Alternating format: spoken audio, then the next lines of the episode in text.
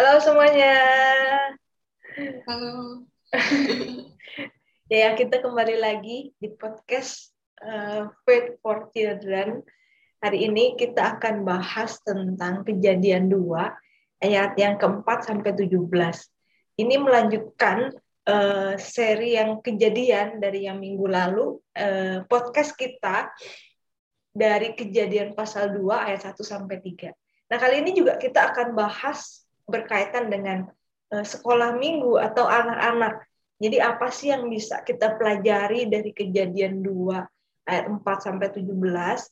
Apa tujuan pembelajarannya bagi anak-anak dan apa aplikasinya yang bisa dibawa pulang oleh setiap anak-anak yang diajar. Nah, kita kembali ke narasumber kita yang kemarin, Dwi Aning. Halo Aning. Halo Ci.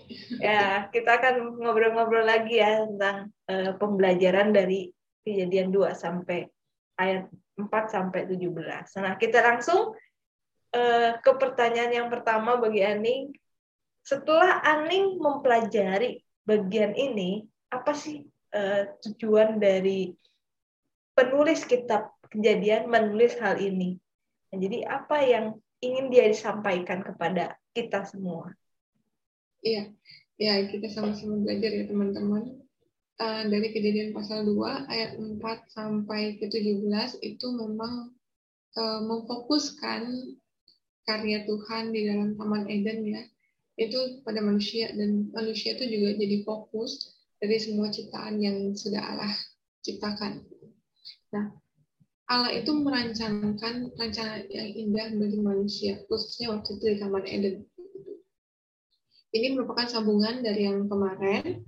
Nah, teman-teman, apa sih yang kita dapat pelajari? Saya akan coba menjelaskannya secara singkat dari ayat per ayatnya.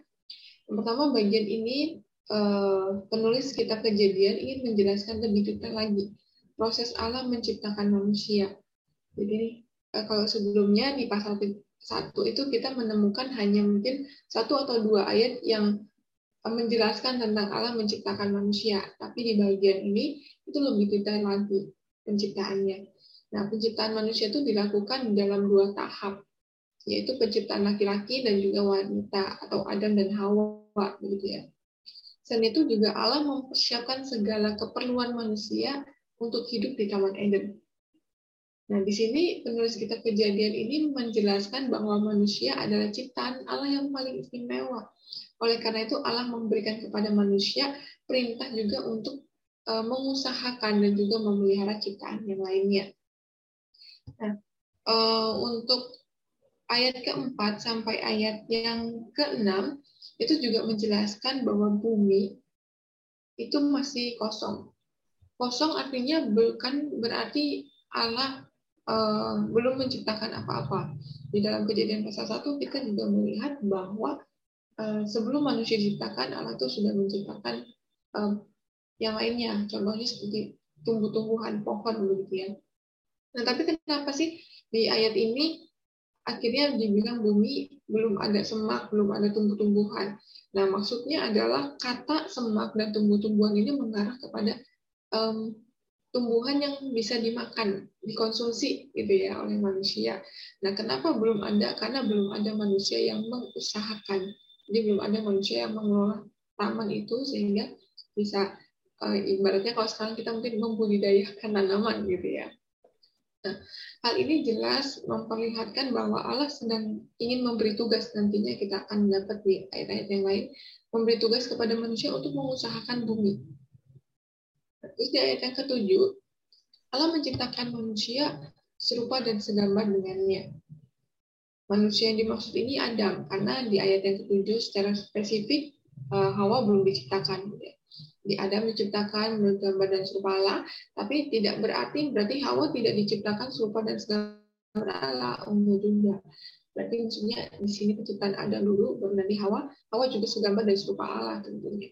Nah, teman-teman manusia diciptakan Tuhan itu dengan tangannya sendiri dari debu dan tanah. Kata membentuk di dalam ayat yang ketujuh ini digunakan uh, sering ya sering digunakan di dalam bagian ayat Alkitab itu seperti penjunan tanah liat. Tanah liat yang mereka bentuk dengan teliti, mereka bentuk dengan rasa seninya yang begitu tinggi orang-orang human itu kan kalau membentuk lumayan apa ya teliti dan jadinya tuh bagus begitu. Nah di sini mau menerangkan bahwa Allah tuh membentuk manusia itu dengan sedemikian rupanya dengan karyanya Tuhan dari tangannya sendiri. Nah teman-teman kalau memang kita lihat uh, di bagian di ayat 19 itu dikatakan ternyata hewan pun Allah bentuk dari tanah. Jadi bukan cuma manusia yang Allah bentuk dari tanah. Terus apa sih yang menjadikan manusia itu istimewa sebagai ciptaan Allah? Yang pertama karena Allah membentuk dengan tangannya sendiri. Di ayat 19 tidak dikatakan bahwa hewan dibentuk dengan tangannya Allah, tapi Allah memang membentuk dengan tangannya sendiri. Dan kemudian Allah menghembuskan nafas langsung kepada manusia. Nah, teman-teman, inilah yang menjadikan manusia istimewa. Allah membentuk dengan tangan sendiri, Allah menghembuskan nafasnya. Nah, kalau istimewa, tentunya berharga di hadapan Tuhan. Karena juga kita semuanya adalah gambar dan rupa. Teman-teman, keistimewaan inilah juga membuat kita melihat adanya relasi yang Tuhan bangun antara kita dan Tuhan. Relasi yang intim manusia dengan Allah. Walaupun nanti di dalam kejadian pasal 3 akan ada kejadian Tuhan gitu ya. Tapi kita melihat di sini Allah merancangkan yang indah buat kita. Allah membentuk kita dan menciptakan kita. Di ayat 8 sampai 9 Allah membuat taman di Eden untuk manusia menunjukkan berbagai Allah menumbuhkan berbagai pohon yang baik dan menarik untuk menjadi makanan bagi manusia. Allah juga menambahkan pohon kehidupan dan pohon pengetahuan yang baik dan jahat. Tapi dua pohon ini, pohon kehidupan dan juga pohon pengetahuan ini bukan untuk dimakan manusia. Kenapa? Di ayat 9 itu seperti ada pemisah, pemisahan. Jadi pohon yang baik eh, dan menarik itu untuk dimakan, dikonsumsi oleh manusia tetapi disebutkan selanjutnya ada pohon pengetahuan dan pohon uh, kehidupan. Itu tidak diberikan keterangan untuk dimakan oleh manusia. Jadi seperti ada pemisahan di situ. Jadi nanti juga berpengaruh kepada larangan Tuhan pada manusia untuk memakan buah, uh, buah pengetahuan itu. Terus di ayat yang ke-10 sampai ayat yang ke-14 uh, Nah, di sini agak sedikit menarik gitu ya. Kadang orang sering salah fokus gitu ya, salah fokus gitu ya. Nah, Allah uh, membasahi Taman Eden dengan sungai-sungai. Ada empat sungai ya. Nah, sebenarnya uh, sungai-sungai ini tujuan utamanya adalah untuk membasahi Taman Eden supaya tanahnya subur dan tumbuh-tumbuhan bisa tumbuh dan bisa menjadi makanan bagi manusia. Tapi ada banyak orang tuh salah fokus, mungkin karena kebanyakan nonton film-film yang berburu harta karun gitu ya. Jadi uh, menganggap oh berarti Taman Eden ini banyak sekali emasnya, permatanya, kita nggak tahu gitu ya. Yang jelas di Alkitab dikatakan di sungai itu, artinya bisa jadi sumber dari sungai itulah yang banyak emasnya, mungkin dia banyak batu-batu yang memiliki nilai ekonomi yang tinggi, tapi di Taman Eden sendiri itu maksudnya bukan Alkitab tuh menunjukkan Taman Eden begitu kaya dan luar biasa ya bukan. Tapi lebih kepada pemeliharaan Tuhan pada hidup manusia. Nah terus kita uh, agak cepat ya kita kali ke ayatnya ke-15 nah ayatnya ke-15 ini Allah menetapkan atau uh, memberikan gitu ya mandat kepada manusia untuk mengelola dan memelihara taman Eden. Allah menghendaki supaya manusia itu dapat hidup, dapat menikmati hidup dari pemeliharaan Tuhan. Dan hal ini tuh memberikan pengertian bahwa manusia berada di taman di Eden itu juga untuk mengusahakan dan untuk memelihara. Hal yang menarik di dalam penggunaan kata mengusahakan dan memelihara. Kata mengusahakan itu diambil dari kata Ibrani abad, uh, terus itu juga memelihara itu sama. Jadi dua kata ini nih sering kali dipakai berdampingan di beberapa, di beberapa bagian Alkitab lainnya itu juga menunjukkan tentang ibadah. Jadi dua ini abad dan syamar ini dipakai di dalam suatu uh, paket gitu ya, berdampingan dan ditunjukkan untuk ibadah. Cukup menarik karena berarti abad itu melayani, terus itu uh, syamar itu artinya menjaga dengan sangat hati-hati. Dalam hal ini menjelaskan juga ketika kita menjaga dalam hati-hati kan kita melakukan sesuatu. Artinya pekerjaan fisik itu sudah ada sebelum manusia jatuh dosa. Jadi jangan lagi berpikir, oh manusia harus bekerja secara fisik, itu karena akibat kejatuhan manusia dalam dosa. Bukan. Karena sebelumnya manusia sudah ada tugas dari Tuhan, yaitu menjaga dengan hati-hati itu. Nah, cuma nantinya ketika manusia jatuh dalam dosa, pekerjaan fisik itu akan menjadi sangat berat bagi manusia begitu karena harus mengusahakannya dengan lebih lagi nah teman-teman kata abad dan syamar ini seperti tadi saya bilangnya menunjukkan kepada ibadah juga. Nah ini bisa dibilang seperti ini. Kehidupan kita manusia seluruhnya itu adalah ibadah kepada Tuhan. Jadi kita juga bisa mengajarkan kepada anak-anak bahwa ibadah itu bukan cuma di gereja, bukan cuma di persekutuan aja, tetapi seluruh hidup kita ini harusnya menjadi ibadah yang sejati pada Tuhan. Jadi kita hidup sesuai dengan perintah Tuhan bukan cuma di dalam gereja, tapi di luar dan di mana pun kita berada, kita harus hidup sesuai dengan perintah Tuhan dan menjalankan mandat Tuhan. Terus pada bagian selanjutnya, ini pada bagian ayat 16 dan 17, mungkin ini lebih mengarah kepada perintah Allah bagi manusia di Taman Eden. Nah, ayat ke-16 ini eh, menjelaskan seperti ini. Allah memberikan perintah kedua bagi manusia, yaitu Adam, bahwa semua buah di Taman Eden itu boleh dimakan, tapi tidak boleh dimakan uh, buah dari pohon pengetahuan yang baik dan yang jahat. Tadi yang saya bilang di ayat yang uh, ke-9 itu seperti ada pemisahan gitu. Nah, ini di sini diperjelas lagi bahwa itu nggak boleh dimakan. Di sini penekanannya adalah berada kata uh, dalam frasa dengan bebas. Yang berarti Allah menghormati kehendak bebas manusia dan Allah ingin supaya manusia itu taat pada perintahnya atas keinginan manusia sendiri. Jadi nggak seperti kita sekarang ini robot, ini sudah ada sistem dan bisa jalan dengan sendirinya. Enggak. Allah menghendaki kita itu mengambil keputusan untuk taat kepada Allah itu atas keinginan kita, atas kehendak kita sendiri. Itu pentingnya teman-teman. Jadi Allah tidak mengingatkan kita seperti robot. Terus di ayat yang ke-17, Allah juga memberikan peringatan dan akibat jika manusia tidak mematuhi perintahnya. Ini juga penting untuk kita uh, tekankan ketika kita mengajar bahwa Allah memberikan perintah uh, kepada manusia ciptanya yang sempurna, yang istimewa. Memberikan perintah itu dengan jelas. Ada peringatannya dan juga Allah memberikan akibatnya. Jadi ketika manusia itu memutuskan untuk tidak taat kepada Allah dan jatuh dalam dosa, itu bukan karena salahnya Allah, tapi karena manusianya sendiri yang menggunakan kehendak bebasnya itu untuk melanggar perintah Allah. Manusia kan diberikan kebebasan untuk melakukan banyak hal di Taman Eden. Tapi kenapa mereka eh, melanggar batasan itu?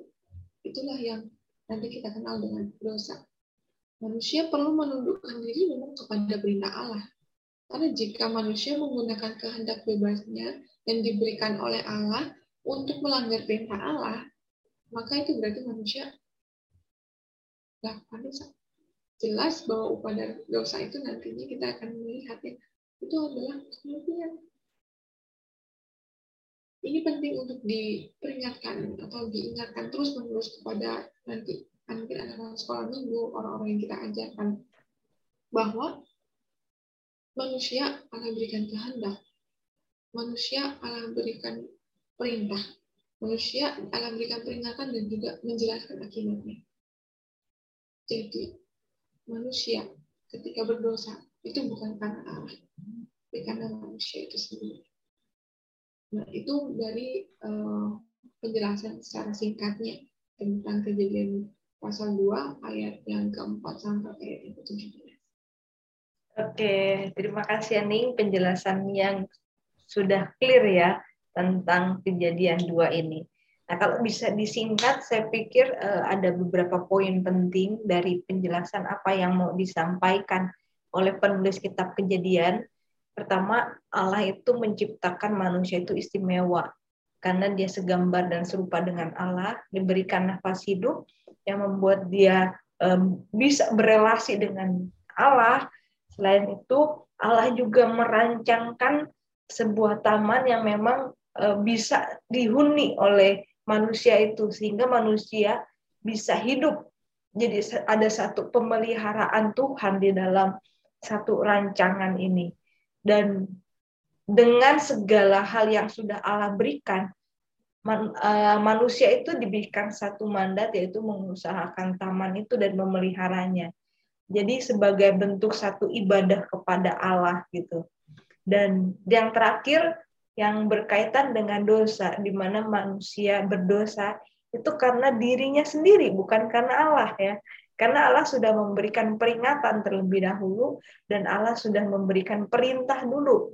Sehingga ketika manusia melanggar itu karena dosanya sendiri ya. Karena e, memang manusianya gitu, bukan karena Allahnya. Jadi Allah tidak menciptakan dosa, tetapi e, manusianya sendiri yang melakukan dosa gitu. Oke, nah dari e, penjelasan ini saya pikir kita semua udah nangkep nih tujuan-tujuan pembelajaran apa sih yang bisa ditarik dari kitab kejadian pasal yang kedua ayat 4 sampai 7. Tapi e, boleh juga nih Aning bisa e, secara singkat ya tujuan pembelajarannya yang Aning dapat ada berapa dan apa yang bisa kita berikan kepada anak-anak tujuan pembelajarannya sebenarnya ada beberapa, cuman saya menekankan mungkin ada dua poin utama begitu. Yang pertama, ala, mungkin anak-anak ya, anak-anak mengetahui bahwa Allah itu menciptakan manusia itu lebih istimewa daripada ciptaan yang lainnya. Dan Allah memberikan, mengembangkan uh, perintah begitu ya, untuk mengusahakan dan memelihara ciptaan Allah yang lainnya. Dan juga di sini kita lihat bahwa kehidupan manusia itu seluruhnya adalah seharusnya menjadi ibadah yang sejati kepada Allah. Kita juga bisa menolong anak-anak untuk memahaminya bahwa meskipun mereka kecil, mereka masih mungkin pengetahuan mereka terbatas, sangat sederhana, tapi hidup mereka pun seharusnya bisa menjadi ibadah kepada Allah. Kita mengajarkan pengetahuan yang benar, dan kita menuntun mereka untuk bisa hidup di dalam koridor perintah Allah itu. Terus yang eh, selanjutnya adalah tujuan pembelajarnya itu tentang anak-anak mengetahui bahwa kita manusia itu diberikan kehendak sama Tuhan bukan untuk melanggar perintahnya Tuhan, tetapi untuk hidup taat secara sadar kepada Tuhan. Itu um, mungkin agak sedikit susah untuk dijelaskan kepada anak-anak yang masih usianya mungkin agak kecil gitu. Tapi kita juga bisa menolong mereka untuk memahami bahwa taat itu penuh dengan kesadaran diri. Kalau kita mau memberikan penggambaran, mungkin seperti ini, antara kandak bebas dengan perintah Allah. Saya sendiri menggunakan uh, penggambaran seperti di dalam lalu lintas. Misalnya saya naik motor atau naik mobil. Saya mengendarai motor atau mobil, saya mau agak kebut, saya mau agak lama, dan lain sebagainya. Tapi selama itu ada di dalam jalurnya, itu oke. Okay. Tapi ketika kita udah mulai melewati batas-batas itu, misalnya kita melenceng ke mana-kemana gitu ya, ngebut sembarangan, belok sana, belok sini, dan itu sudah melanggar. Ketika kita jalan lurus, ya ikutin aja jalannya kita. Kita mau agak ngebut, agak mengkol dikit, dan lain sebagainya, ya itu itu kehendak bebas kita. Seperti kehendak bebas kita. Jadi ketika kita melewati ini batasan yang Allah beri ini namanya dosa. Kenapa? Karena udah lewat. Jadi bebas bukan berarti bebas tanpa batas. Tapi bebas di dalam ranah ini loh kita masih ada di dalam uh, perintahnya Allah itu hidup kita masih bisa dalam perintahnya Allah kita tidak berdosa tapi kalau bebas tanpa batas, saya rasa nggak seperti itu ya. Karena ketika melewati batas itu, itulah dosa. Tapi di dalam batasan itu, ketika kita mesti ada di dalam batasan itu, ya itu bebas. Kita bisa melakukan sesuai dengan kehendak kita. Jadi ketertumbukan itu di dalam batas perintah Allah, di dalam batas kehendak Allah, uh, itu tuh anak-anak perlu memahami sejak dini supaya ketika mereka hidup untuk menjaga diri mereka dari kecil ya ada di dalam batasan itu mereka bisa belajar hidup untuk taat sama Tuhan itu dengan sadar. Sampai mungkin nanti kita berharap sampai besar mereka juga bisa hidup di dalam batasan itu. Oke, nah ini adalah tujuan pembelajaran bagi anak-anak. Nah, kalau misalnya uh, ada dua nih, ada dua pembelajaran, tujuan pembelajaran. Nah sekarang apa sih aplikasi yang secara praktis ya, secara praktis bisa dibawa pulang oleh setiap anak-anak. Karena kan kita uh, tahu ya bahwa uh, Alkitab, Firman Tuhan bukan cuma hanya bisa dimengerti oleh anak-anak, tetapi anak-anak harus bisa mengaplikasikannya di dalam kehidupan mereka. Nah, jadi uh, ada satu uh, apa ya namanya keseimbangan antara pemahaman dan uh, tindakan mereka. Nah sekarang aplikasinya apa sih buat mereka untuk anak-anak ini?